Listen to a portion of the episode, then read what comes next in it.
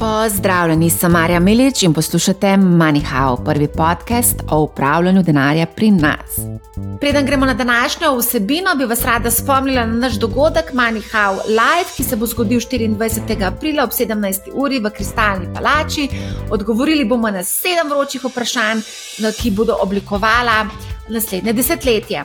Na eni od okroglih miz bomo pa tudi obdelali slovenski borzni oziroma domači borzni trg, eh, kje so priložnosti. Raziskali bomo razloge, zakaj investirati v domače delnice, in pa seveda poiskali tudi argumente, zakaj je mogoče kakšna druga borza ali delnica bolj primerna. Potem bomo preverili tudi, kakšne so bile pretekle dividende in kaj lahko pričakujemo letos. Preverili bomo tudi, koliko moramo vložiti v slovenske delnice, da dobimo nekaj stotakov ali tisočakov evrov dividend na leto.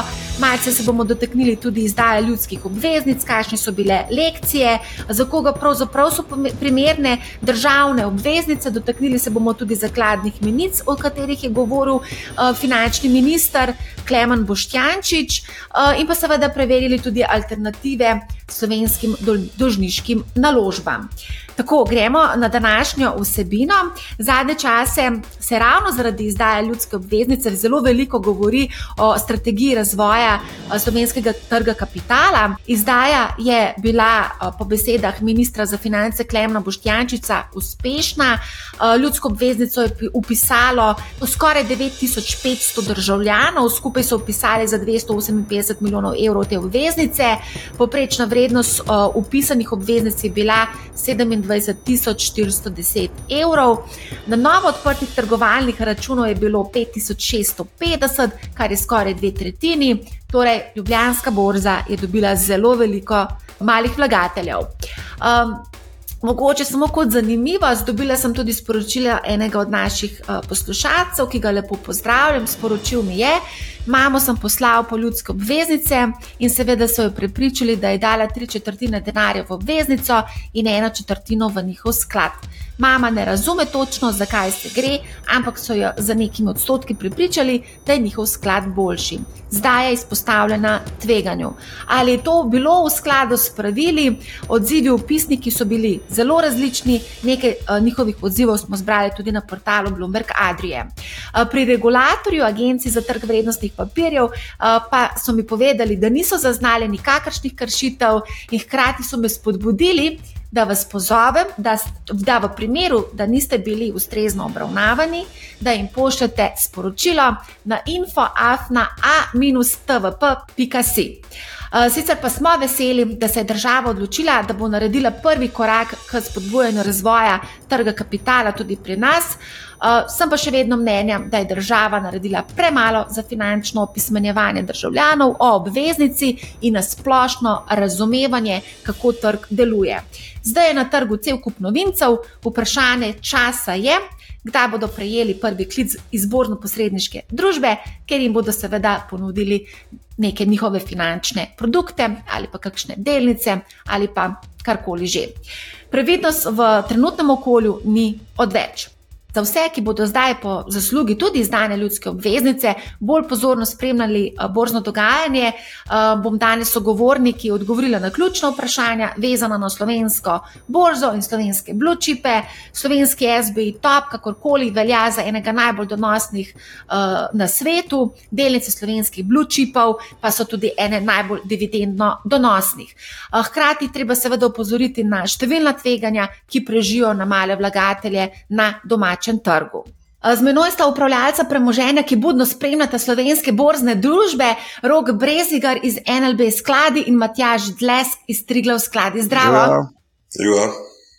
Um, okay, mogoče samo za začetek, za ogrevanje, uh, kako vidva gledata uh, na izdajo ljudske obveznice, um, glede na to, da imamo 6000 novincev, ki so odprli na novo trgovalni račun. Uh, se mi zdi, da je to zna biti kar zanimivo uh, tudi za te novince, ki bodo mogoče zdaj malo bolj aktivno spremljali uh, naš trg. Menite, da bi se lahko zdaj uh, Ljubljanska borza mogoče prebudila? Um, konec koncev bi bilo mogoče to dobro tudi za. Eh, za vas, upravljalca premoženja, da se malo bolj eh, prebudi ta naša zaspana borza? Mislim, ne vem, če bi rekel, zdaj, da se je prav tako prebudila. Pa, ampak načeloma bi rekel, da je pozitivna zadeva. To, da so dali zdaj te obveznice, mislim, da je bilo celo ker sem gledal celo par desetink odstotnih točk, boljš, kot če bi se zadolževali, mislim, za vlagatelje, boljš, kot če bi se zadolževali na trgu. Tako da, ja, mislim, moram reči, da odkar sem naredili to reklamo za te obveznice, me je klicalo kar nekaj ljudi, ki se običajno sploh ne ukvarjajo z investiranjem. Tako da jih je malo spodbudilo, tako bom rekel, ljudi, ki, ki, ki ne investirajo, da dajo, ampak ja, načeloma je pozitivno za ena taka izdaja, ne bo jih čudežev naredila, ampak je zaenkrat imam dobro mnenje. Je bilo kar relativno majhna izdaja, 250 milijonska. Tako da ne, to je. Tukaj vidim problem, ravno zato, da je bila 250 milijonska. Ne, zdaj jaz upam, da je bil to samo test ne, in da to potem recimo, sledi, sledi recimo, še kakšna večja izdaja. To, če gledamo recimo Hrvaško, ne vem, lansko leto izdajanje je bila kar v bistvu uspešna, zdaj pa v bistvu izdajo že novo, ne letošnjem letu. Eh, tako da na ta način, po mojem, bi lahko zbrali kar lep uh, kupček denarja, ne? če se s tem še država zniža, se pravi, stroške zadolževanja bi bilo še toliko boljše. Vemo, kakšne so obrestne mere na bankah. Tukaj, če dobiš kaj več kot 2% na eno leto, si lahko že zelo zadovoljen. Ne? Uh, in če dobi recimo ne, 3% nekdo, kar se mi zdi, da recimo malo treba gledati, se pravi, sam tip investitorjev. Ne. Te investitorje, ki so to pač kupili, to glavno zgodiščejo fiksne donose. Ne. Se pravi, tukaj ne grejo neka velika tveganja, to naprej, boga neke fiksne donose in tam pa včasih res gledajo na vsako desetinko. Ne. In če vidijo, recimo, ne, banka mi tam nudi, ne vem, 2%, ne, tukaj pa recimo dobim 3, ne, je logično, da boš vse v to. Ne. Je pa res, da treba vedeti, ne, tukaj so tudi določeni skriti stroški, ne, kot je recimo odpiranje računa, ne, ker večina teh sploh ni imela računov, pa vodenje računa in tako naprej potem, če bo hotel recimo prodati, potem so še kakšni božni posredniški stroški in tako naprej. Uh, tako da to lahko na koncu kar uh, dosti zmanjša v bistvu donosne. In tudi mogoče zaradi tega, recimo, da ni bil navalen, to še kaj še dosti večji. Ne? Um, mogoče vseeno lahko malce pokomentiramo to, kar je rekel pa uh, naš ministr za finance, da pričakuje, da, se, da bo v bistvu trgovanje z obveznico zelo živahno. Glede na to, da je lansko leto bilo, mislim, da z obveznicami, z dožniškimi papiri 9 milijonov uh, prometa na ljubljanski borzi, koliko živahnosti pa tukaj potem lahko pričakujemo? A na sekundarnem trgu, ali kaj? Ja. To ne vem, mislim, načeloma imamo, kar se tiče naših državnih obveznic, dokaj likvidne, zaenkrat.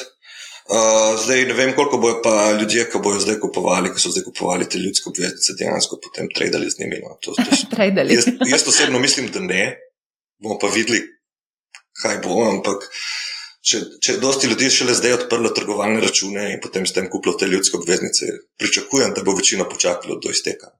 Ja, imam isto pričakovanje, oziroma tako je. Tudi je mogoče pogledati, koliko depozitov se recimo razveže pred uh, dospetjem. Ne. In tle se mi zdi, da bo stvar podobno. Ne. S tem treba vedeti, tukaj so potem še dodatni stroški, če se gre v prodajo tega. Ne. Tako da uh, res dvomim, da bo kdo košil recimo tukaj to prodajati. Ne. Razen če bo seveda res take finančne stiske, da bo pač rabo denar in da bo to edina možnost. Ne. Potem se bo to množilo. Tako da, da bo tukaj za neko živahno, mislim, kot prvo izdaja premehna. Že recimo tako izdaja 250 milijonov, to so v bistvu neke minimalne izdaje, ne, potem se ti ne splača, v bistvu neko izdajo. Uh, že pri teh, recimo, izdaja že po defaultu, v bistvu ni ne vem, kakšne likvidnosti. Ne. Zdaj pa, če imamo še potem, ne vem, če bi imeli pa recimo dosta večjo izdajo, recimo, ne milijard ali pa več, na primer. Ne. Uh, bi po mojem, recimo, bolj trgovali, lahko mogoče so še nekaj več, pa to, ne, predvsem pa mogoče bi se tudi malo bolj prilagali, recimo, Ildom. Ne.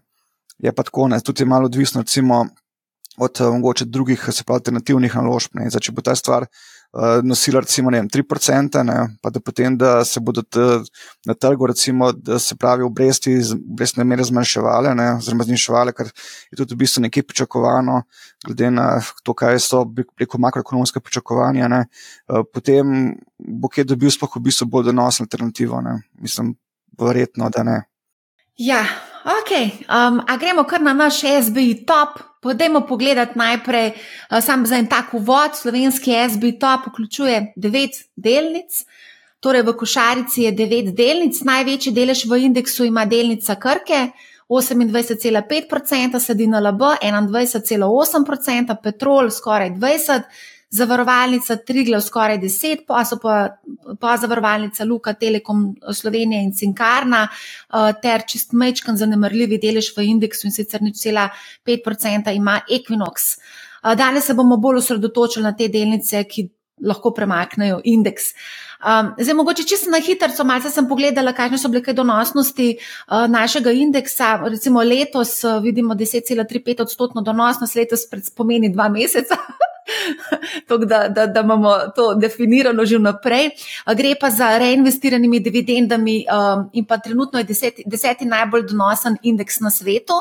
Če gledamo mogoče malce daljše obdobje, 12-mesečno, SBI se nahaja na 22. mestu te svetovne lestvice indeksov s 23,6 odstotno donosnostjo, kar je kar solidno. Ne?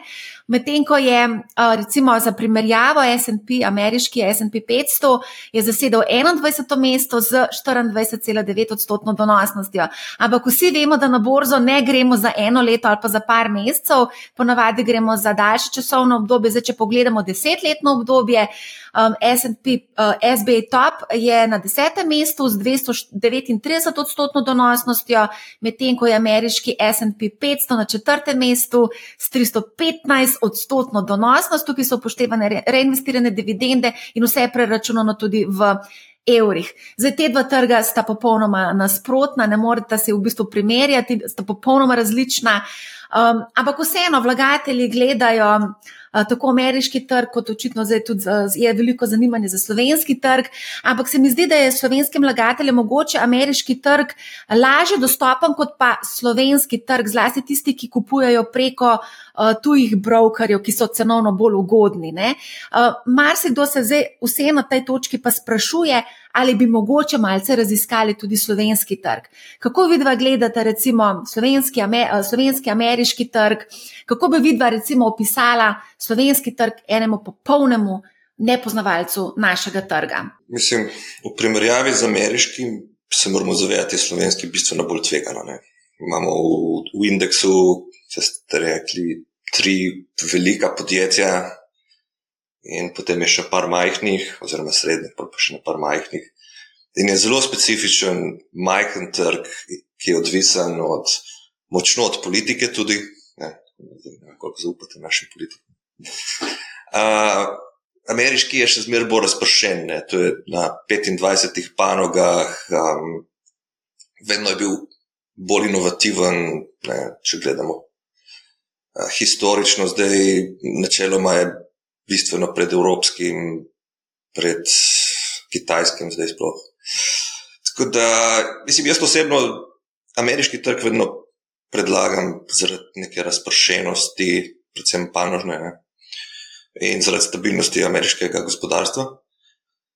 Za Slovenijo je tako, jaz, jaz mislim, da je v redu, če sicer še se kdo investira, ampak bi mogel dati noter relativno majhen delec delež sredstev. Ne, ne moreš, pravi, ne vem, 100% vse dati, nekateri marsikateri radi vrčujejo, ne vem, da je vse v krko, pa petrol. To je kar tvegano, to daš samo eni firmi, pa še to v majhnem trgu. Ne. Tako da, kar se tega tiče, Slovenija je fajn, da imaš 5% delnic, recimo, ja, mislim, 5% premoženja. Zato je smiselno. A, tako, no, to, to, je, to je pomembno vedeti, da, da da tvegaš, ko daš na nek majhen trg, na neke manjše firme. Ne. Zato je bolj smiselno za poprečnega vlagatelja, da da razprši po svetu, v Ameriko. Recimo. To je totalna antireklama za slovenski trg. Dobar, 5% ja. v redu, 5% izpostavljenost je tudi kar, a ne, v redu. Ma ni, ni antireklama, ker načeloma, mislim, mi smo toliko veliki, kot smo in jaz se pravim, nič ne, nič je v redu, če, če investiraš. Jaz ne morem človeku sploh nekomu, ki ne spremlja trge, reči, da ne investira vse na slovenske trge, ker pre, preveliko tveganja prevzame nas. No. Če gledamo, do, donosnost niti ni tak, taka stvar, ne mislim, da je, ampak če veš, zdaj je par odstotnih točk gor, dol, vse se bo. bomo videli, kaj bo v prihodnosti, ampak tveganje je tisto, ki je pomembno v tem primeru. In Slovenija je v bistvu tvegana, ne? Že zaradi majhnosti. Že zaradi majhnosti. Povej, Matjaš. Dobar, samo relativno majhni, ampak še vseeno, kaj še ostane velikim, ne? tukaj imamo vse donosene. Tako da, pa, predvsem pa jaz bi rekel tako, ne mislim, zelo kje je razlika med ameriškim in slovenskim trgom. Ne? Če bi iskali recimo nek dividend tilt, ne se pravi, prav nekje, kje iskali se nekih dividend, ne? tukaj se mi zdi, da je Slovenija definitivno v spredju. tukaj recimo v regiji, recimo imamo mogoče še Romunijo, ampak potem pa že kar težko v bistvu najti neko državo, kam recimo tako visok dividendni donos, kot je recimo slovenski trg. Ne? In to se, po mojem, doskrat pozablja. Ne? Ostala seveda majhnost je, ne, tudi deloma bi rekel, politična uh, nestabilnost oziroma politična regulativa, predvsem, ne, ko se država kar odloči in naredi nek res oziroma zda nek ukrep, ki ni pričakovan in ima zelo negativno vpliv kot na kakšne. Uh, uh, Kakšna podjetja. Uh, tukaj recimo, je recimo problem, ki bi se ga dalo recimo, v prihodnosti še izboljšati. Ne? ker take stvari tudi jasno tu investitorji gledajo ne, in tukaj potem odvisno, če ni tujih investitorjev. Mislim, sam slovenski trg težko recimo zdrži neko likvidnost, ne, zelo vzdržuje. Če pa gledamo, recimo, če dobimo kakšne spravo izven, spravo iz tujine, recimo neke investitorje, potem pa lahko stvar lahko bistveno bolj zanimiva. Ne. Tako da potem se likvidnost poveča in s tem se preko relativno tveganje se poveča. Ne. Je pa tako, ne, mislim, da treba gledati, recimo, case by case, pravi vsako firmo. Ne, če gledamo, če gledamo recimo skupaj, ne, uh, naše firme, karkoli je bilo, tudi če je bila res neka velika kriza, ponovadi so relativno dobro šle iz tega. Ne. Ok, je bil recimo kratkoročen šok, pa recimo delnica padla, ne, ampak običajno takrat v bistvu čas za nakup. Ne, tako da, če gledamo recimo daljše obdobje, recimo 50 let, ne, vidimo kar neko, reko, konstantno rast. Ne, mislim, dobro, ne vse pri vseh papirjih, ne, ampak pri večini pa kar v bistvu se lahko opaža, da so imeli kar v bistvu pozitivne poslovanje oziroma pozitivne premike. Ne. Uh, zato je mogoče razlika z Ameriko, ne, da pač mi nimamo tehnoloških podjetij. Ne. Da pač imamo tehnološke podjetja, ki se bolj rastejo, so bolj zanimiva, ne, so bolj v spredju. Ne. Ampak tudi v Ameriki, recimo, če damo ven recimo, teh top 7, pa teh 7 tehnoloških podjetij, ne, dvom, da so donosi kakorkoli primerljivi, recimo, slovenskim in tudi dividende. Ne. Tako da tukaj za en stran, okay, ja, imamo sredoločne tveganja, ampak eh, tudi v bistvu donosi. Ne. Se mi zdi, da naša podjetja, reko, če primerljivo gledam, kar reko, zelo dobre rezultate delajo. To je res, to glede dividend pa res. Recimo, ne, če, O dividendah bomo še povedali, se bomo malce bolj poglobili v dividende in tudi vsak bluči posebej bomo malce pogledali pa zanalizirali. Ampak preden gremo na to, bi pa vse mogoče se dotaknila vsem tega tveganja še malce, se pravi ta nizka likvidnost, ki se bo gosto očita Ljubljanski borzi. Zdaj, če pogledamo na Ljubljansko borzo, je bilo lansko leto 330 milijonov evrov prometa, samo z lasniškimi, eh, z lasniškimi oziroma delnicami pa je bilo 320 milijonov, kar je 110 milijonov manj kot leto prej. Se pravi, v poprečju je bilo za skoraj 900 tisočakov prometa na dan, torej manj kot milijon. Kako gledate na to uh, likvidnost? Pa recimo za nekega malega investitorja to verjetno ni taka težava, relativno hitro lahko prodamo na trgu te naše um, investicije, ampak za kakšnega večjega igralca zna biti pa to kar problem. Za večjega igralca definitivno ne, ker eh, tukaj, če no, recimo za milijon evrov, ne, pa to, če gledamo za kakšen večji tuji sklad, je to praktično drobiš, ne, milijon evrov. Ne. In če prija sem, se pravi, ne more kar direktno iti na borzo pa kupiti, se pravi, ne more kar dati nalog, pa zelo bo to v istem dnevu, to recimo, s kakšnim algoritmom po možnosti, recimo, to je izvršeno. Ne. Uh, tako da tle dejansko tukaj je neka težava. Ne. Za malo vlagatelje pa jasno, mislim, če gledamo samo malo vlagatelje, ki ima par tisoč evrov, tukaj jaz ne vidim kakšnih bistvenih težav. Dobro, jaz še vedno bi se ta spred spravil med uh, popraševanjem na trgu, seveda je, kar pomeni, da tukaj je še potem določen strošek dodaten, ne, ker pač, če kar direktno pač kupuje po ponudbi, ne, uh, je potem seveda cena malo slabša, ne, kot če recimo bi bil res kompletno likviden trg, ker so ti razmaki praktično minimalni, ne, ampak še vedno mislim, da tukaj ni kakšnih bistvenih težav. Ne, za neke majhne ne. ne. Mislim, no, če bi šle manjše firme, mogoče kupijo včasih tudi nekšnega posla na nekšnem dan. Ampak za nek tak, recimo, jaz pravim Slovenijo, mešani pri nas, ne, imam par milijonske pozicije določenih firm in vsakeč, če, če hočem narediti neko večji posod, ga moram razbiti čez par dni, ker to v enem dnevu ne morem. To, to so posli, tako 30-50 tisoč evrov se že počasi zasičijo. Mislim, so izjeme krka, pa recimo na LB so bolj likvidne, se tudi te držijo likvidnost gor. Ampak uh, ostale so pa. Ne, ne morem zdaj uh, prist pa reči, vzdem, da pa zdaj bilijon noter, ne. Ja. Če odštejem te dve. Ne. Ja, tako da mogoče tisti, ki imajo zelo veliko denarja, mogoče v kažem depozitu, uh, mogoče morajo upoštevati tudi ta faktor nizke likvidnosti, Ana, da ne bi šli zdaj z neko zgodbo, spoh pa ne v enem znesku na eno delnico, boh pomagi, to pa res. Uh, to, smo že, to smo že imeli s kakšno delnico, prej uh, izkušnje, pa tudi s kakšno regijo, tudi ne, regija Balkan in KBM.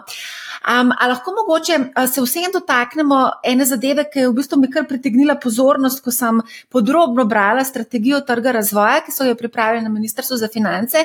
In sicer trenutno je Ljubljanska borza del robnih trgov, se pravi Frontier Markets. Um, zdaj sem to za ilustracijo, da se bodo ljudje znali predstavljati, katere države še sodijo v Frontier Markets. Recimo največji trg je Vietnam, potem imamo Romunijo, Maroko, Islandijo, Kazahstan, potem so med Frontier Markets sodijo tudi Jordanija, Kenija, Latvija, Srbija, Hrvaška, Šrilanka in druge države. Cilj naše države pa je, da bi v bistvu mi postali del trgov v razvoju, kjer so pa države kot so Kitajska, Brazilija.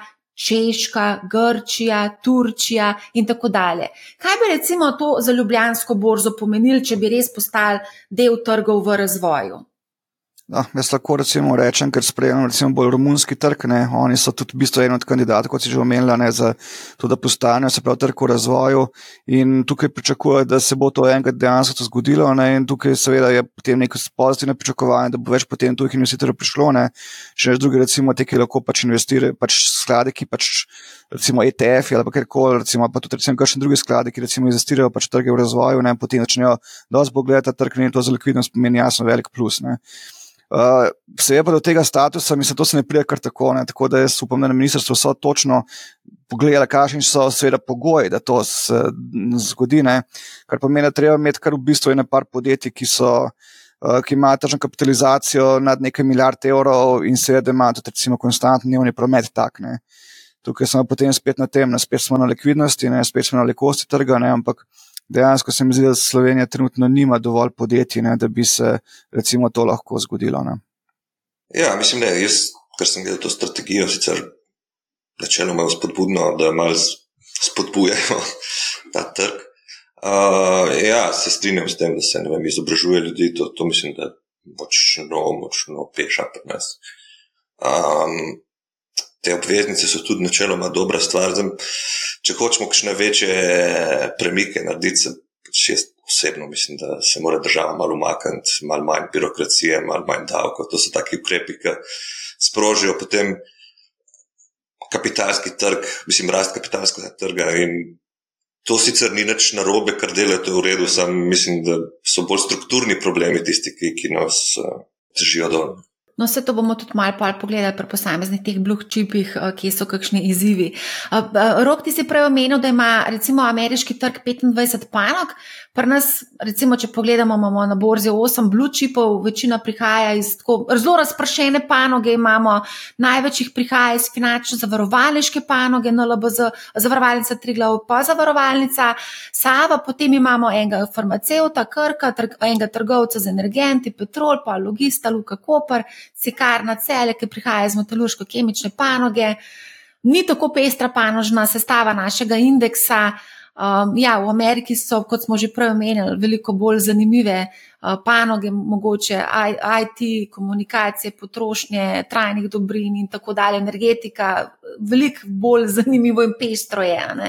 Koliko recimo je omejujoča ta panožna skromnost tega našega indeksa? To se že nekaj omenil, rok, da, da, da, da je kar precej skromno pri nas. Ne? Je pa tudi tipična za emerging markets. Ne? Se pravi, ko, če jaz gledam pa vlagam zdaj v emerging markets, kaj bojo banke, zavarovalnice, energy, to imajo posodne. Uh, se pravi, ko nekdo hoče vlagati, bo bolj hotel vlagati v Slovenijo kot v določeno firmo, mogoče s kakšno izjemo. Uh, zaradi tega je bilo fajn, manjka nam kakšen kakšne firme z večjo dodano vrednostjo, da tako rečem, kakšne tehnološke software, kakšen tak, tak tip firme, ki bi lahko bil tega bolj zanimiv. To, to, kar imamo mi, je dokaj klasika. To, to je tak tipičen emerging markets portfelj. zaradi tega tudi, po mojem, tuji vlagatelji nas tudi tako vidijo, vse logično. Ne? nimamo pa tistih res takih firm, vsaj ne, mislim, vsaj ne teh uh, blue chipov, ki bi bili zanimivi, tako bolj uh, growth firme, ko rečemo, ne, ki so bolj na njih rasti. Ne. To je mal problem. Matjaš, kaj pa ti misliš? Ja, jasno, ne dobro. Jaz pokrivam vse trge v razvoju, ne pokrivam tukaj regionalne trge. Uh, tako da jasno, growth je problem pri nas. Ne. Tukaj nimamo niti ene growth firme. Ne. Mislim, dobro, sicer vse mogoče, kakšen sem pa tja poskušal profilirati kot to naprej, ampak če gledamo tako globalno, pa to naprej, ne, kot sajam panoga, niso zdaj ne vem kakšen growth. Ne. Ker tukaj recimo od IT-ja praktično nimamo skoraj ničesar. Tako da ne, nimamo, problem, ne, ne skoraj da nimamo. Nijamo, ne. se pravi, če gledamo SB top, ten z SB top, ne, potem tleh ni ničesar. Ne. Če gledamo recimo neke druge trge, predvsem tam v vzhodnji Aziji, tam je lahko tudi z IT, ne vem, 40-50%. Tako da, no, odvisno je pač na vseh trgih. Ne. Tako da, ja, drugač pa se pravi, banke pa zavarovalnice, te stvari so potem recimo zanimive. Da, bo kašla klasični magic market, ima recimo tako še rodarje in tako naprej, ker recimo mi nijamo, uh, ampak tukaj smo nekje. Ne. Um, pogledala sem si, katere so bile najbolj donosne delnice uh, slovenske v zadnjih petih letih pa bom povedala samo mogoče v poprečju na leto, koliko so v zadnjih petih letih naredili. Recimo Krka preko 20-21%, NLB 21%, Petrol 15%, um, potem pa zavarovalnica 17, poprečje indeksa je bilo pa 16,9 v zadnjih petih letih. To so kar taki lepi donosi in marsikateri vlagatelj se v bistvu vpraša, katero delnico se splača za investirati. Eh, danes, 22. februarja, pa se v bistvu tudi začenja ta sezona objave poslovnih rezultatov za leto 2023. Danes imamo objavo NLB in Luki Koper. Pa bi jaz najprej obdelala, če se strinjata, bančništvo. Ker banke so kar zanimive, za banke je v bistvu kar tako zanimivo leto, rekordno leto. Dobički vseh bank pred obdavčitvijo so lani v seštevku dosegel milijardo in 137 milijonov evrov, je poročala Banka Slovenije pred dnevi. Banke so glede na lani, torej dobiček več kot v predlani, torej dobiček več kot podvojile. Kako gledate v bistvu vi dva? Zdaj ne vem, koliko rok ti lahko komentiraš, ampak nasplošno panogo bančništvo, po moje, lahko. Kako gledate na te bajne dobičke bank in kako menite, da bo monetarna politika vplivala na poslovanje bank v prihajajočih letih, ker se namreč napoveduje rezanje ključnih obrestnih mer še letos? Razmere so bile zdaj boljše. Včasih so bile um, zelo nizke obrestne mere in to močno spodjeda potem dobičke bank. Ne. Uh, zdaj, sve, ako so v bistvu čas, ko brezne mere, ki zdaj padajo, ne, je to še najboljše, ker gospodarstvo pridobiva denar in se, se zbuja, hkrati pa so še zmeraj dovolj visoke obrestne mere, da a, se marže bank nekako so dobičkonosne, da so uredne. Ja, tukaj bi rekel, ne se pravi, zelo lansko leto je bilo izjemno, ne, ker Saj, če gledamo, recimo, spravo obveznosti do virov sredstev, ne, koliko se recimo donosijo, ne, in to so v glavnem depoziti, ne, ker v bistvu banke, ne, slovenske banke v glavnem so financirane z depoziti, ne, ki nosijo praktično, vemo koliko, ne, nič ali zelo malo, ne. Uh, tako da ne rabijo v bistvu financirane strani recimo ECB, kakšnih obveznic in tako naprej. In po drugi strani pa ima presežno likvidne sredstva, ne se pravi, teh depozitov niti ne rabijo, ne morejo vseh plasirati, ne, kar pomeni, da to lahko potem noč, sprav, ima pri računu, ne pri ECB-ju. Zdaj, pred kratkim, zelo kašne dve leti nazaj, recimo, ne, še niti ne, uh, je bil ta stvar še, bo ta obrestna mera še v minusu, ne, kar pomeni, da se mora plačevati za to, zdaj pa dobivajo recimo 4% na to. Ne. Tako da tudi je tle v bistvu neka zelo velika razlika. Zdaj, jasno je, da pričakuje se, da teh 4% ne bo večno, ne, oziroma tudi lahko, da že v letošnjem letu, da bo lahko že dosti manj. Ne. Uh, in uh, potem pa bo treba to za nekako zakleniti. Ne. In zdaj pa se je to. Da pa se to zaklene, ne, to pomeni, pa, da mora zdaj čim več kreditov po teh obrestnih merah, ne, da si potem v bistvu lahko te ob, visoke obrestne mere lahko tudi v bistvu naprej, še, naprej uh, spodbujajo spravo rast poslovnega izida. Uh, drugače pa dobro, vse moje posebne pričakovanje so, da obrestne mere ne bodo šle zelo kmalo na nič. Ne. Se pravi, da oh, bomo tukaj 2-3%, po mojem, še kar nekaj časa bi znali biti. No. Oh, ja, se strinjam s tabo, še dolg časa ne bomo na nuli. Uh, še, mi se vprašanje, če bomo kdaj na minusu, kot smo bili. Uh, ja, se banke ja, takrat odprli. Nikoli ne. To se strinjam s tabo, ne smemo več tega sploh govoriti, ne, nič nas ne sme presenetiti. Ja, se banke so se potem kar znašle in so začele zaračunavati strankam ležarine. Um, a lahko mogoče preskočimo kar na NLB? Vem, rok, da ti ne smeš komentirati NLB-ja, pa vseeno so komentirali drugi. Zdaj, trenutno delnica NLB kotira pri rekordnih 102 evrih za delnico. Uh, to je, jaz bom rekel, no, na Bloomberg terminalu sem pogledala, kakšne so trenutno ciljne cene, 12-mesečne ciljne cene. Napovedali so tri analitiki v februarju, uh, so podali svojo oceno in sicer razpojeni vse od 117 do 135 evrov. Njihovo priporočilo je baj, torej kupi. Kako gledaš, Matjaš, ti na te ciljne cene, eh, kakšna so potencijalna tveganja za vse vlagatelje, ki zdaj gledajo vse te eh, donose in te napovedi, kakšni bodo potencijalni donosi lahko s to naložbo? Jaz bi rekel tako, ne, jaz sem že mogoče malo te sprav, profesionalne sprav, bolezni, ne, da sploh ne gledam teh priporočil. Ne. Oziroma, mogoče gledam samo kumulativno, kaj povajo, ne, ker tukaj lahko pristranskosti prejene pri drugih stvarih, kar precej. Ne. Tako da, kar me bistveno bolj zanima, jaz preberem to analizo, ne, pa kaj jaz preberem, ne, na, na osnovi česa so oni dali v bistvu to priporočilo, ne, spravi, kateri so argumenti za ali pa proti nakupu. Ne. Uh, to, to je v bistvu tisto, kar me, uh, uh, kar mene v bistvu na koncu. Kaj meni pretehta, ali bom kar še stvar kupil, bom prodal, bom držal karkoli že. Um, In uh, tukaj pa seveda dobim tudi iz kakšnih drugih virov, ne. mislim tudi recimo za analitike, imamo pač tudi vsako leto se dobimo, spravi iz podjetij, to naprej, ne, potem hodimo na skupščen delničar in tako naprej. Tako da dobimo lahko tudi recimo iz kakšnih drugih virov, potem še recimo spravi neke, neke informacije v poslovanju, ne, tako da niti ne rabimo v bistvu za nekaj analitikov. Analitike v bistvu samo tako, ne, pač uh, dva analitika načeloma ne bi smela imeti izga mnenja. Ne. Mislim, da je to, po mojem, res dobro analizirano, da potem da se imam soočati tako naprej, ne, ker na končni fazi v bistvu, kakšne so pričakovanja, ne, to je napovedovanje prihodnosti. Ne. Tukaj ni zelo to, da nekdo ima prav, drug pa da je čist narobe. Ne. Mislim, jasno, da bo nekdo pač prav imel, drug ne bo imel, ne, ampak v bistvu je, da se recimo soočim mnenja tako naprej, da potem dobimo neko sintezo teh mnen, ne, da si potem lahko ustvarimo neko sliko, kaj se bo dejansko z nekaterim, s kakšnim podjetjem ali pa banko, seveda, da se bo dogajalo naprej. Ne.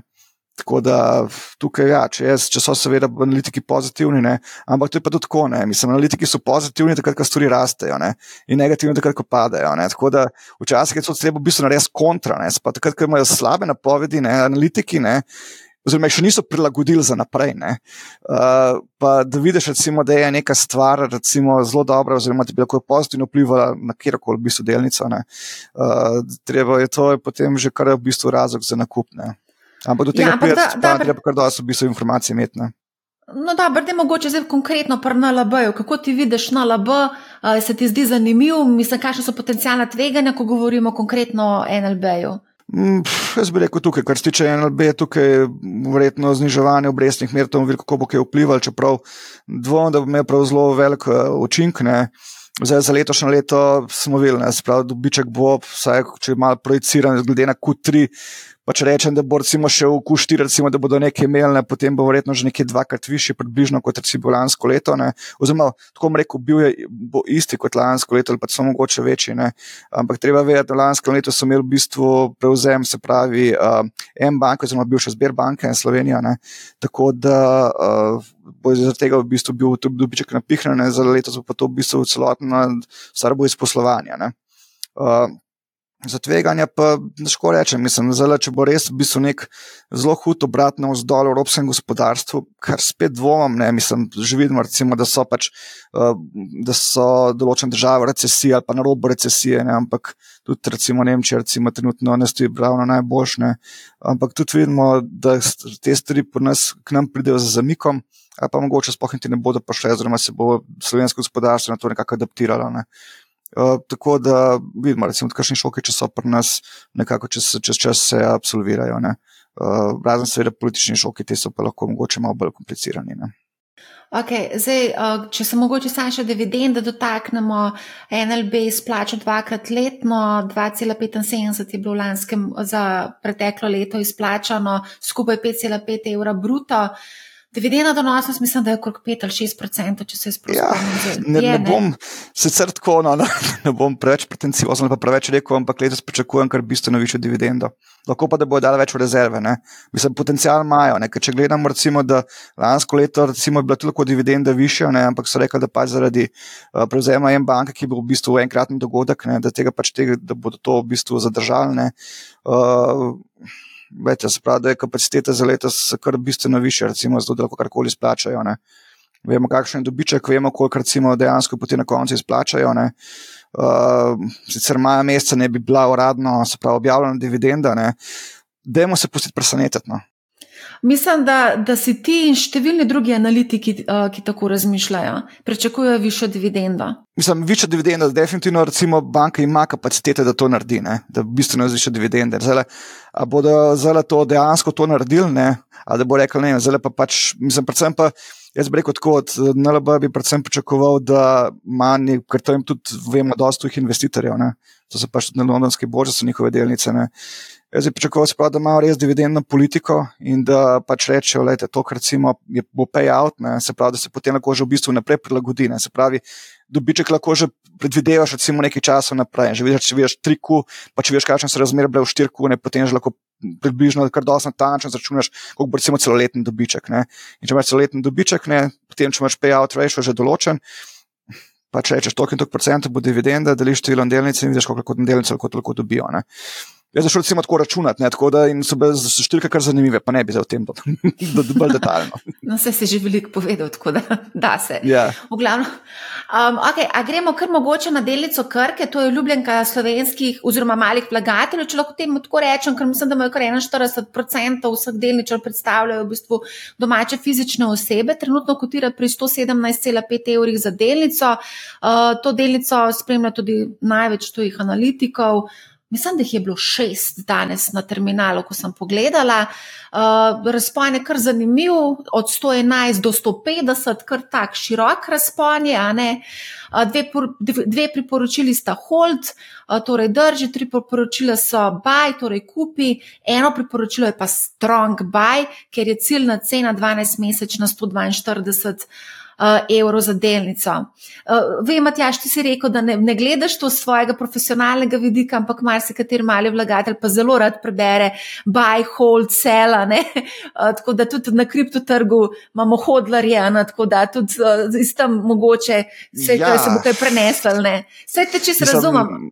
Problem je pri, pri, pri priporočilo prebrati. Ne. Če pa prebereš, zakaj je to priporočilo, ne, pa prebereš recimo, vem, eno sel priporočilo, pa zakaj je sel, pa eno baj, zakaj je baj, ne, in potem sam pri sebi recimo malo razmišljaš, zakaj bi recimo bilo, pa zakaj eno, pa zakaj drugo, ne, potem si lahko že v glavi recimo narediš neko.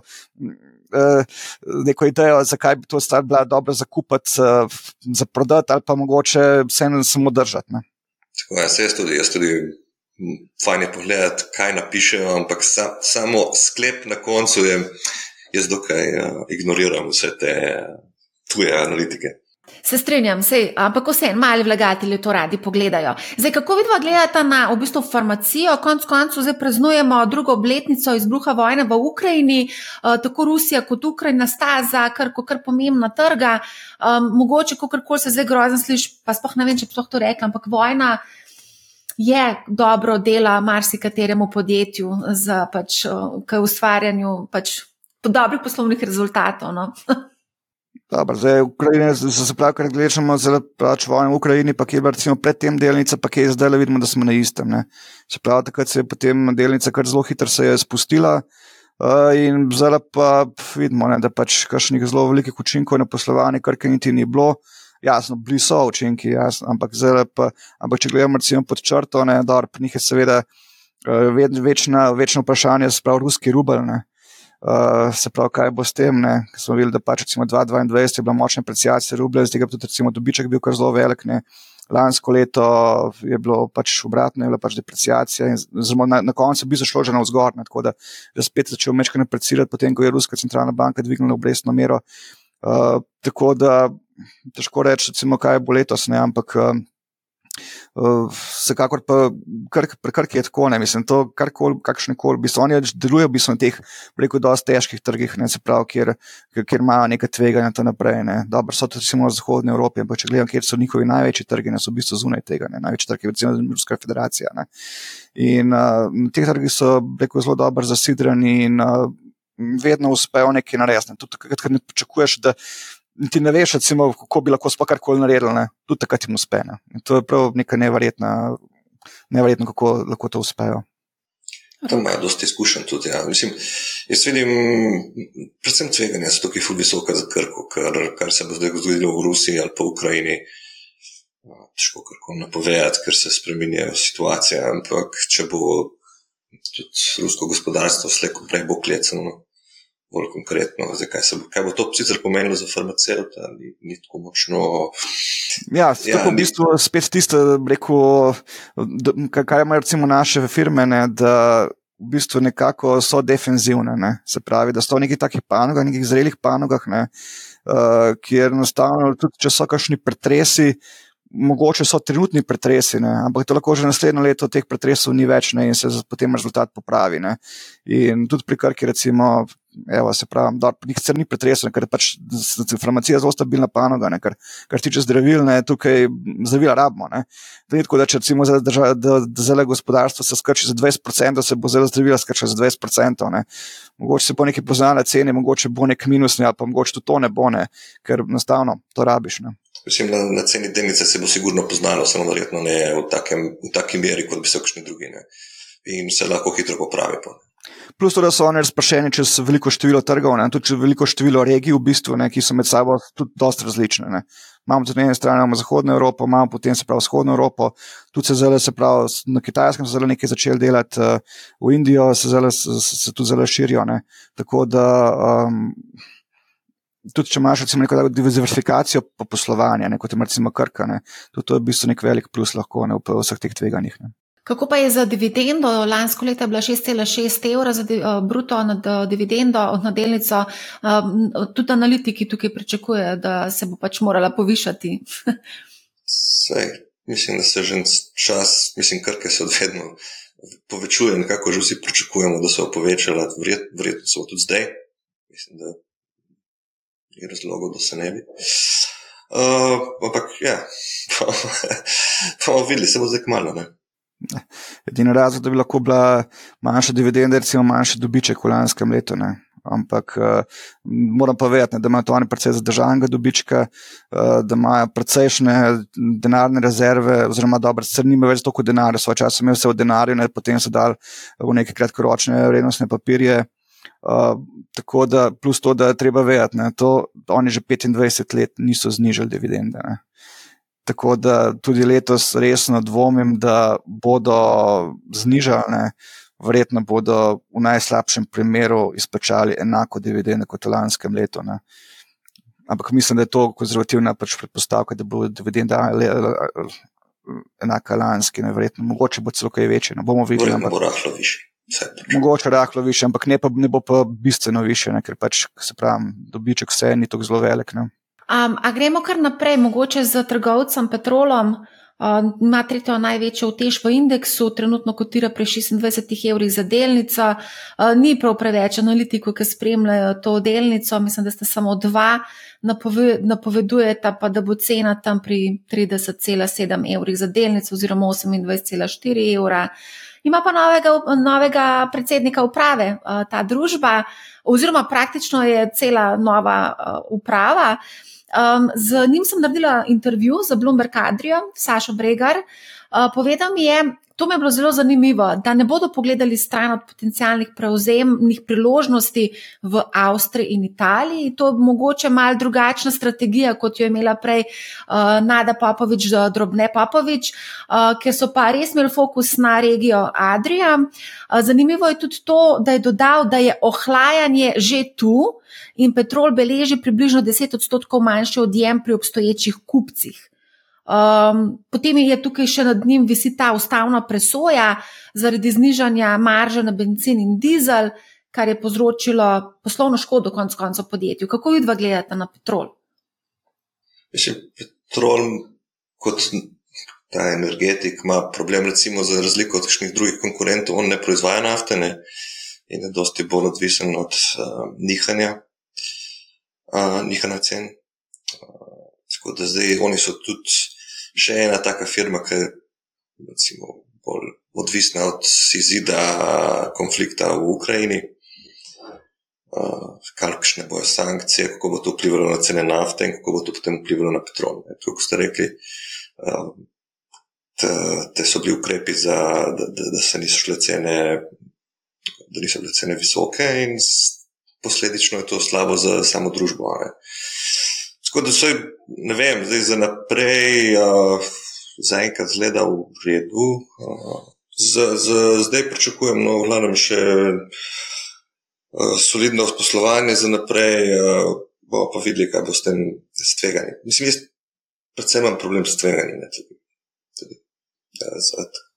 Katere so, tista, katere so tista tveganja, ki so najbolj problematično vezana na petrol? Mislim, pa da bi jih treba izpostaviti. Cenami nafte, no, tako bom rekel. To, Cena to, nafte. Ja. Zdaj, kar se tiče teh prevzemov, pa širjenje, to je pa za moje pojme dobrodošlo v tem primeru, ker drugače je možnost rasti omejena. Kako pa ti, Matjaž, gledaš na petrol? Dobro, meni se tveganja, se pravi, tukaj je klasično podjetje s uh, političnimi tveganji. Ne. Predvsem vidimo, recimo, ko so lansko leto, ne, praktično kot strela z jasnega, so jim spet regulirali marža. Ne. Se pravi, za 3 cente so znižali trošarine, pa za 3 cente so znižali, se pravi, se pravi s trgovsko maržo. Ne. Ampak trošarina, vemo, kakšno je. Tam, se pravi, dejansko pa zelo nizka je pa trgovska marža, ker pomeni, da je trgovska marža padla za tretjino, trošarina se zmanjšala, pa mislim, da niti ne za 10%. Ne. Tako da tukaj je lahko velika razlika in se je to pri poslovanju samem. Ne. Zdaj bomo videli, koliko časa bo ta trajala. Mislim, da odlog, da zapade 29.2. Ne upam se predvidevati, kaj bo po tem datumu, bo to ukinuli, ali ne bodo. Upam, da bodo. Ne. Mislim, da je bilo zelo dobro za petrol, če bi ne. Uh, predvsem pa bi bilo to dobro, recimo, da se takih ukrepov, da se pač ne izvaja. Mislim, ker če je že Evropska komisija, recimo, že ugotovila, da pač pri nas neka konkurenca je. Ne? Vemo, da pač imamo MOL, ki se je zelo ukrepil, imamo zelo šel, ki je pač ponovno zelo spet, ponovno spet v bistvu vstopil na trg. Ne? Tako da neka konkurenca v bistvu tukaj je, ne? ni to neki dominantnega položaja. In bi lahko, recimo, tukaj malo sprostili pač ta trg. Že, smo že imeli, recimo, sproščen trg, pa smo videli, da recimo, ni bilo tukaj ne vem kakšnih uh, cenovnih nihanj, oziroma da pač se je nekje uh, cena začela formirati. Ne. Ker tu treba vedeti, da Slovenija je pač tranzitna država in predvsem gre tukaj večina goriv se potroši v tranzitu, ne, oziroma se pri nas toči. Ne.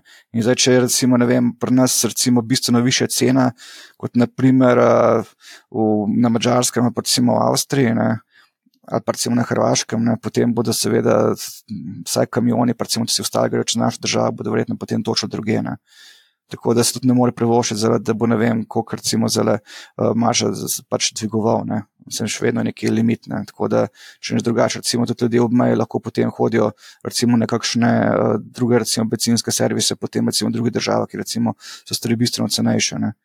Tako da že tukaj treba gledati z tega vidika. Uh, tako da regulatorna politika definitivno je. Uh, Zdaj, kar se tiče pa ostalih stvari, ne, mislim, da petrol, v bistvu njihova strategija je vse malo drugačna. Se pravi, oni bi se radi širili v bistvu tudi na električne avtomobile, oziroma pač na, zvemo, pač, da so tudi recimo, podstavljali vetrne elektrarne, sončne elektrarne in tako naprej. Uh, in da bo v bistvu vse nekako tudi, pre, nekako tudi pripravljeno na zeleni prehod.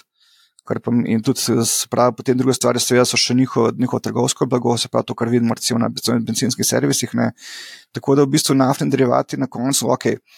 Petrol je ena od uh, firm, kjer ne moreš reči, da so pa zelo prihodki relevantni. Ne. Tam prihodki so popolnoma relevantni, ker to je v bistvu, ko reko, servis države za pobiranje davkov. Ne vem, recimo, koliko je trošarin, oziroma različnih davščin, recimo, vključenih v ceno goriva. Uh, tako treba pač gledati, ko smati izidne kosmati poslovni zid, ne pa tudi tisto dejansko so realizirali. Ne, in potem iz tega, recimo, ne, tako da nekje reko na EBITDA ravni, tam so stvari potem mogoče primerljive nekje z ostalimi. Ne. Pa seveda, kot je že roko omenil, ne seveda, uh, petrol nima rafinerije, ne, recimo Hrvaška ima rafinerijo. Ne, Pa tudi nima svojih recimo, rezerv, recimo naftnih, recimo svojih naftnih pol, ne, ne, ne gleda v ta, to smer. Ne, tako da prej bodo oni, recimo, ne, imeli svoje vetrne, pa, pa recimo sončne elektrarne ne, in polnilnice, recimo v svojih benzinskih servisih ne, in te, na ta način, da bi potem pripomogli k zelenemu prehodu. Ne, tako da tudi na ta način v bistvu razmišljajo. Ne. In zdaj pa če pa hočejo zdaj potem prevzemati spet neke. Podjetja, se pravi, ki se ukvarjajo z prodajo naftnih derivatov, ne, to potem pa ne vem, kako potem s to politiko bo to usklajeno. Ne. Hm. Bilo pa no, zanimivo, se da prevzame koga, ki se prav ukvarja z obnovljivimi viri energije. Ne. To ni definiral, um, na katere tarče ciljajo, tako da to bomo še videli. Ja, se, še... to, to je mogoče malo problem pri njih, ne, oziroma tudi mogoče vidim kot delno tveganje, da se, da se uprave pri njih v bistvu kar tako menjajo. Ne. Videli smo zelo že dvakrat, v bistvu, ko je prišlo brez strela z jasnega, zamenjali so direktorje Petrola. Ne. In um, strani korporativnega upravljanja to ni ravno najboljša praksa. Ne. No, to sem ravno hotela vprašati, ne, kako je z temi menjavami v upravah. Vidimo te menjave v Luki Koper, vidimo v Telekomu, vidimo tudi v Petrolu. A to lahko vpliva na zaupanje delničarjev? Seveda, seveda ker to so običajno so to politične menjave. Ne. To sem tudi rekel na začetku, ne, da bi bilo fajn, da se država umakne iz, iz uh, lastništva, vsaj bistveno bolj kot je zdaj. zdaj vsakeč, ko pride druga vlada, da drugega od sebe pa ne pravim zdaj, ali so sposobni ali ne sposobni, samo ko se menjuje. Če se na par let tudi fajn imeti neko strategijo. Ne, ne, ne, ne moreš v dveh letih, v dveh letih se jih nekaj, jih začneš delati, tako rečem. Nekaj, ne. Tako da ja, in to, vse to tudi mi gledamo kot dodaten problem, ki tudi vpliva na ceno, mislim, na nek način. Ne. Prek, ja. V Krki konkretno imamo že Colariče tam. Ja. Ker sem že menil prej politično tveganje, to je točno v bistvu to, ne, zakaj nas recimo, kot tu investitorji potem začnejo recimo zapuščati, ne, oziroma pač, da nas ne gledajo. Ne, ker če imate recimo, ne vem, na tak način se pravi menjave v upravi, ne, potem če imate recimo, ne vem, kar naenkrat vam daje neko regulativo, ne, da pač umi maržen na stan način lahko kar bistveno v bistvu oklesti dobiček ne, po podjetja, ne, uh, to so kakšne stvari, ki jih pač tu investitorji ne marajo videti. Ne. Tako da to se treba tudi malo zavedati. Uh, dobro, imamo pa recimo druge ekstreme, ki pa je kar lepo ustoličen, že Colarič kot prvi mož Krke, že koliko časa nisem gledala, ampak mislim, da že več kot 40 let v Krki. Ja, zaposlena, ampak je primer. Ja. Krka je en tak primer, ampak tle treba vedeti, ne, recimo, da država v Krki sicer ima nek delež, ne, ampak eh, je že kar v bistvu zelo močni, so mali delničari. Ne, in eh, tam, kjer recimo država nima nekega prevladujočega deleža, ne, se pravi, da nima tudi statutarno večino v nekaterih podjetjih, ne, uh, ampak tam, kjer ima recimo nek prevladujoč delež, ne, oziroma tam se dejansko te stvari potem dogajajo. Ne. Recimo tam, kjer pa država pusti stvarem po prosto potne, pa tukaj lahko izpostavim, recimo, pozitiven primer, definitivno NLB, ne, ki je pač prepustila, se pravi, pač ima zlato delnico, ne pa 25%, ampak še vedno prepustila to investitorjem. Ne, in če gledamo, recimo, poslovanje pred tem, NLB in zdaj, recimo, ne, verjetno ni treba posebej razlagati. Ne. Mhm. Ne, to sem hotla, uh, ker se mi zdi zanimivo, uh, da mogoče zna biti pa potem, ko bo prišlo do menjave vodstva v Krki, do mogoče kakšnega nezaupanja delničarjev, čeprav tam že nekaj časa vzgajajo novega naslednika, um, ampak ni ga še, nekaj časa ga še ne bo. Ne? A se bo začel pripravljati delničarje na prihod novega predsednika uprave? Se to je posod, ko pride nekaj novega, že če gledaš vem, v športu, ki prije nov trener, tako je pogledaš, kako bo. Pa, ne, ne, na začetku pač počakaš, pa upaš, da bo v redu. In, ja, testiran bo, mislim, vsaj v smislu, če, če bo kakšne nove. Posebni odstopanje od trenutnih strategij bo in tako seveda vsi malo zastrigli. Uh, ampak se to pač s časom, če, če tukaj ni večjih sprememb naprej, ne? mislim, v menjavah, mislim, da ne bojo menjavali še naprej, potem načeloma mislim, da ni to problem. Jaz meni recimo nasledstvo, kar sploh ne skrbi. Nekdo bo enkrat pač prišel. Ne? In, ampak mislim, da tukaj tudi bo enkrat do tega prišlo. Ne bo nekih pretresov, kar pomeni, da oni bodo pač nadaljevali svojo strategijo. Ne? Vidimo, da pač poslovanje je uspešno. Tu, če gledamo, recimo, se pravi, zadnjih pet let, je delnica v bistvu najbolj donosna, ne? kljub vsem pretresom, političnim, geopolitičnim in tako naprej. Ne? Tako da jaz mislim, da tukaj za njih ni nekaj strahu, ne? da bi za nekoga postavili recimo, na, na čelo, ne? ki recimo, na koncu bi negativno vplival na poslovanje. Jaz mislim, da to ni, ni opcija. Um, a gremo kar na uh, pozavarovalnico, pozavarovalnico Triglav, tam je tudi ustoličen predsednik, praviš zelo dolgo časa. V zavarovalnici Triglav, ne? pozavarovalnica je tudi že kar nekaj časa. Ne? Uh, ampak v redu, zdaj tukaj um, delnice zavarovalnice Triglav kotira pri 35,6 evrih za delnico, pozavarovalnica pri 28,4. Lani je bilo kar zahtevno leto za zavarovalniško in pozavarovalniško dejavnost, predvsem zaradi teh avgustovskih velikih poplav. Kakšne so tvoje rok pričakovanja, mogoče? Kaj pričakuješ za lansko leto poslovanje? Ja, zdaj, obe sta imeli težave zaradi teh ujm, pa pač izplačil prej, kot ni. Tako da zdaj če tukaj ne bo dodatnih letos, pol se bo verjetno počasi stabiliziralo. Mislim, da tako hudo ni bilo. Uh, nekako so pač uh, lepo prebrodili, relativno. Na ceni delnice se je odrazilo, ne, logično, ampak zdaj za naprej. Um, vem, mislim, da se nadaljujejo širjenje v tujino, kot vem, pa zdaj bi znalo vplivati pozitivno, če bojo obrestne mere se počasi zniževali za njihov naložbeni segment. Tako da zaenkrat jaz nimam nobenih posebnih skrbi za naprej. No. Jaz mislim, da so tiste stvari, ki so bile, so prebrodili. Uh, jaz sem pogledala tudi, kaj se je dogajalo z delnico, od takrat, ko so izbruhnile te, oziroma ko so poplavile te poplave. Um, se pravi, v bistvu, ja, kot si povedal, na pozavarovalnica je v tem času, od takrat do tega, od tega avgusta lansko leto, pa do danes, naredila 11-odstotno donosnost, medtem ko zavarovalnica Triglav 3,79%. Um, mogoče, Matjaš, vse, če lahko ti še komentiraš, mogoče na splošno zavarovalniško panogo in izzive, ki jih čaka, glede na uh, tole globalno segrevanje in podobno. Ja, se ravno to, ne, mislim, temu pri nas posvečamo zelo veliko pozornosti, se pravi, globalnem segrevanju oziroma pač vplivu pač posam, tudi, in se pravi, vplivu se pravi podnebnih sprememb na poslovanje posameznih podjetij in seveda obratno to še bolj v bistvu, ne, se pravi, kako podjetje samo vpliva na globalno segrevanje. Ne. Vemo, tiste, ki imajo recimo večji odtis CO2, ne, da potem, da te so recimo bolj recimo tvegane strani, spravi z vidika dolgoročnega poslovanja, ker je zelo prej bo treba pač ta oglični odtis nekako spraviti v neko normalo. Ne. Tako da, in jasno, mislim, če gledam celotno globalni zavarovalniški sektor, ne, uh, zna biti v bistvu klimatske spremembe na njih kar dosti negativno vplivati, ne, ker vemo, da škode so vsako leto večje, ne, kar se tiče uh, samih ekstremnih vremenskih dogodkov. Ne, in uh, tukaj, vsaj v bližnji prihodnosti, mislim tudi, da se bodo globalne pač klimatske spremembe, da se bodo pač te ekstremni vremenski dogodki, da se bodo za kar naenkrat prenehali. Vsak bi želel to, ampak jaz mislim, da nažalost, ne še dolgo časa temu ne bo tako in bomo temu pričali. Tako da to pa seveda, če gledamo zavarovalnice, seveda ni. Ne. Je pa seveda tudi potem obveznost za nas, ne in kot zavarovalničar, in kot investitor, da pač izbiramo tudi take naložbe in da smerimo kapital pač v te. Uh, V to smer, ne, da se pač v glavi, da se uglični vtis, da se potem se zmanjša. Ne. Mogoče bojo zavarovalnice si izmislili nov produkt in sicer zavarovanje proti posledicam globalnega segrevanja.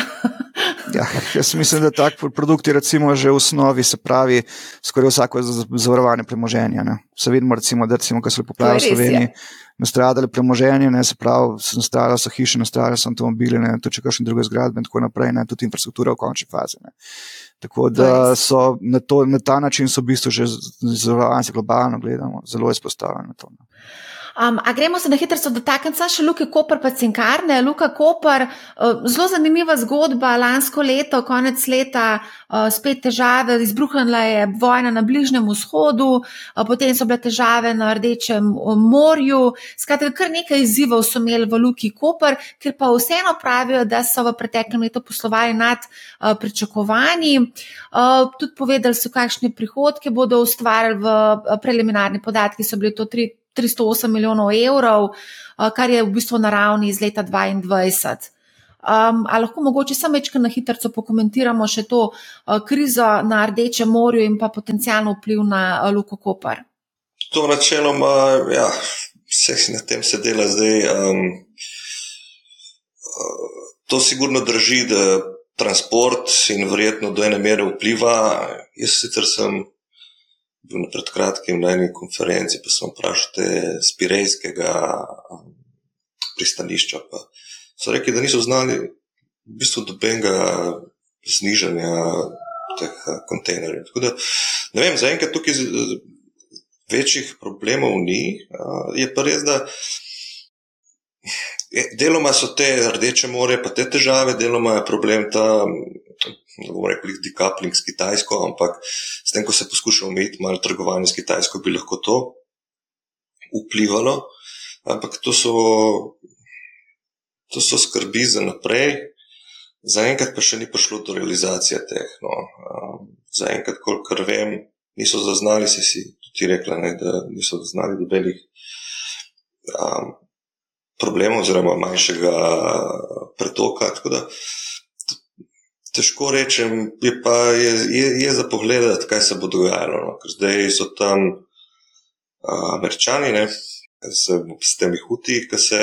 Uh, Ne vem, kaj so vse zdaj še fajte, ne, ampak načeloma so, so se podaljšale poti, ker gre večina ladij gre okrog uh, Afrike. Ne. In zdaj še ta situacija s Kitajsko, se pravi, je, je za biti previden, ampak zaenkrat se še ne poznamo. Ja, mislim, tukaj se mi zdi ta kriza rdeče more tako ne. Na kratki rok ne bo kaj bistveno vplivala, oziroma pač se bodo pač poti vladarja se bodo nekoliko prilagodile, ne. na daljši rok je pa lahko zelo velik problem, če bi to recimo trajalo več let. Ne. Ker tam pa, pa treba vedeti, ne. potem se ta njihova geografska lega, ne, ki je zelo zaenkrat v bistvu njihovo zelo prid, če bi se seveda šel v transport po rdečem morju se lahko potem ta pot zelo podaljša. In tudi, predvsem, recimo, nekih trgov, recimo, tudi potencijalnih, recimo, lahko tukaj potem izpade. Oziroma, potem bože ceneje, recimo, da ladje pride, recimo, nekam v Svrnemorsko pristanišče in se potem z vlakom potem transportira nekam v Srednjo Evropo. Ne. To je pa, pa lahko zanimivo, kar rečete. Kako? Pa pride po drugi poti, ne? ker zdaj gre po notranji, ne? potem gre po drugi, so druga pristanišča, mora biti. Ja, so druga pristanišča, ampak to je za njih potem minus. Ne? To je potem ja, za, v bistvu za vsa severno-odranska pristanišča potem lahko problem. Ne? In tudi, dobro, zdaj potem, z druga stvar so potem zdaj še, se pravi, uh, uh, investicije, ki moraš izvesti za drugi tir, ne? se pravi za povečanje, tukaj bo in se pravi, in se pravi fizične investicije v infrastrukturo in tako naprej, tudi zaposlovati bo je mogoče na novo. Ne? Tako da sem ravno prej sem pogledal, sicer mislim, da ne gre tako zelo detaljno številka, ampak njihova je bila maža projicirana za naslednjih pet let, ni bila tam okoli 29%, medtem če gledamo dva let, dobro, lansko leto je bila še ni objavljena. Imamo potem, eh, se pravi, 2022 je bila čez 30%, tudi pred korono, recimo, se pravi, 2019 in prej bila tudi v nekaj primerih tudi dosti čez 30%. Ne. Tako da, verjetno, mogoče tudi le, kar še za teh investicij malo pritiska na stroške, ne. zdaj pa upamo, da se bo pač to rdeče more, da se bo čim prej razrešilo. Uh mhm. -huh. A gremo mogoče samo na hitro skočiti na cinkarno celje. Ravno včeraj se je cinka, delnica cinkarne pocenila za 13 odstotkov in sicer, 20, in je, in sicer je zdaj kotira pri 20,9 evra. Izplačena je bila dividenda ne za leto 23, ampak za leto 22. Uh, tudi to je eden od razlogov, zakaj pač se špekulira, da je cena delnice upadla.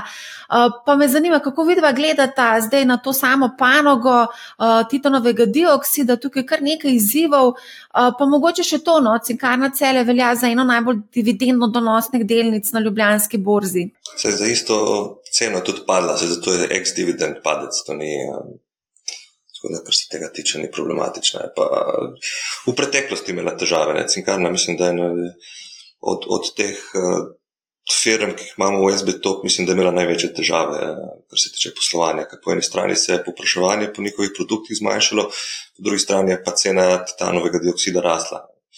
To je kar slabo, ampak zanimivo pa še zmeraj je dividendna donosnost res najvišja, 13%, mislim, da sem gledal. Zanimivo pa je, da to eno podjetje, ki recimo kriza v Rdečem morju pozitivno vpliva na njih, ne? ker zdaj se, se pravi, njihovi glavni konkurenti so v bistvu z Kitajske. Ne? In zdaj Kitajci imajo zelo velike probleme s svojim nepremičninskim sektorjem. Ne? Titanov dioksid se pa v bistvu uporablja najbolj za barve, oziroma za obnovo stanovanja in tako naprej, ne? oziroma pač za, za beljenje. Ne?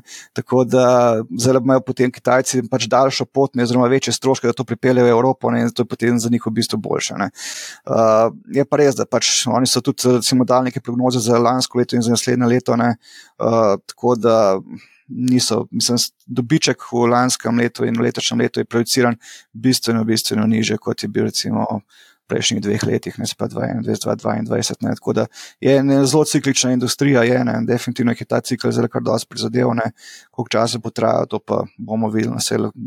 Upam da, upam, da so bili preveč konzervativni pri svojih uh, napovedih. Da bo dobiček za letošnje leto še, še celo nižji kot za lansko leto. Bomo videli, upam, ja, da panogo, upam, da se tukaj res zmotili. To panogo titonovega dioksida je res precej pretresel. Največji proizvajalec na svetu je propadel. Tako da, ne? Uh, to je bilo zanimivo opazovati. Kaj pa, če na hitro samo še pogledamo Telekom Slovenija, tudi to, ta delnica uh, sodi med bolj dividendno donosne, kako gledamo na Telekom? Okay. Vredne, gremo naprej. Bomo zaključili. ne, pač Telekom kot Telekom, jaz vedno tako tretiram. Tukaj pač je neka dividendna donosnost. Ne. Zdaj, tudi tukaj ne vidim, kje bi lahko bil kakšen bistven upside, recimo na, na, samem, na samem poslovanju, ne, kje bi lahko bila res neka rast v bistvu. Ne. Tako da tle pač neka zrela panoga, kjer ni ne vem, kakšnih rasti, so pa lepe dividende. Da, pa tudi treba vedeti, da je te telekom v pretežni državni lasti. Ne. Da Za konec, da imamo še na svet malim vlagateljem, ki bodo zdaj budno spremljali dogajanje na Ljubljanski borzi, mogoče celo kaj investirali, na kaj morajo paziti rok. Nekaj smo že povedali na začetku. Ne? Ja, izven tega, mislim, se pravi, vedno se mora zavedati, da če vlagajo v slovenske trge, pač to majhen trg, je specifičen trg. Mi imamo ta nek home bias, ne rečemo, kar radi vlagamo v državo, v kateri smo. Ne? Ampak če gledam vem, razliko med nami, ali pa ne vem, Litvanci, zakaj lahko bi v Litvo vlagal. Uh, in se vedno, včasih smo preveč samozavestni, no, da vlagamo v slovenske, mislimo, da poznamo firmo, ker poznamo pač proizvod ali kaj takega. Ampak ja, ne. Tako da je potrebno malo previdnosti, pa se malo. Ampak jaz osebno se zato, zato tudi pravim, da je fajn, da se razprši uh, svoje vlaganje tudi na druge trge. Deloma tudi zato, ker ne, dosti dela, jaz bi rekel, napako, ko investira v firmo, v kateri dela. Ne. In ti imaš dvojno tveganje. Potem, potem imaš, če bi bila ta firma šla v težave, ne, lahko zgubiš službo in tvoje premoženje, ki si vložil v. Ne. Tako da jaz osebno vedno rečem, malo ven tudi dam, ne, da, da lahko to tako tveganje malo Torej, ne investiraš v delnico na LB, da se hecam. ja. Osnovna pravila je, da pač ne daš vseh jajc v eno košaro. To je, to je e, to, mogoče, Matjaž, bi pa vsem tebe nekaj drugega vprašala. Na začetku so omenjal, da zelo spremljaš romunski trg. Zelo veliko se je govorilo o romunskem trgu, neki novi igralci so na borzi, neki ETF-i se delajo na, na, na, e, na, romunsko, na, na romunski trg. Ne nam mogoče povedati, zakaj je Romunija interesantna. Ja, pač to že v strategiji je že dalj časa. Uh, predvsem tukaj gledam tudi malo likvidnost, ne? ker mi imamo pač svoj sklad, imamo ne? in tukaj. Uh, če gledamo, recimo, tukaj smo imeli pač Zahodni Balkan, ne sprav države, bivše Jugoslavije, so imeli notrne in kakšne od teh uh, trgov so dejansko zelo, zelo nizko likvidni. Ne. Tudi recimo Bolgarija so imeli še svoje čase ne, in tudi tam je bila likvidnost zelo slaba. Ne. Tako da Romunija nas, nas v bistvu bolj privlači zaradi likvidnosti, plus to, da je to pač neka gospodarska rast. Se pravi, vse je neka tranzicija, vstopili so v Evropsko unijo in takrat naprej imajo kar impresivno gospodarsko rast. Uh, tudi kar se tiče njihovih. Uh, njegovega trga, ne, spet je dosti podoben slovenski, uspel neki financ, pa predvsem na srvanje energetike, pa še nekaj drugih firm. Ne. Ampak če potem vse skupaj gledamo, to naprej, se mi zdi, da so nas kar zelo podobni. Ne. Res treba vedeti, da je Romunija bistveno večja država kot Slovenija, to je pač 20 milijonov prebivalcev. Ne. Tako da je vse. Mogoče bliže potem, recimo, nekemu, uh, se pa v emerging trgu, kot recimo Slovenija. Uh, drugače pa se pravi, tudi dividendna donosnost je še kar dosti uh, v redu. Ne kar je glavni, kar dosti državnih podjetij, spet, seveda, navezava na Slovenijo. Ne? In ta državna podjetja pač v glavnem dobičke potem, se pravi, transferirajo potem državi, ne? vsaj v nekem delu. Ne? Okay, ta trg bomo še malce bolj natančno pogledali v prihodnosti. Najlepša hvala obema, da ste se vzeli čas za debato. Ja, Super je bilo. Hvala. Uh, tudi, dragi poslušalci in gledalci, hvala, da ste bili z nami. Poslušajte Manihau, ne bo vam žal in lep pozdrav.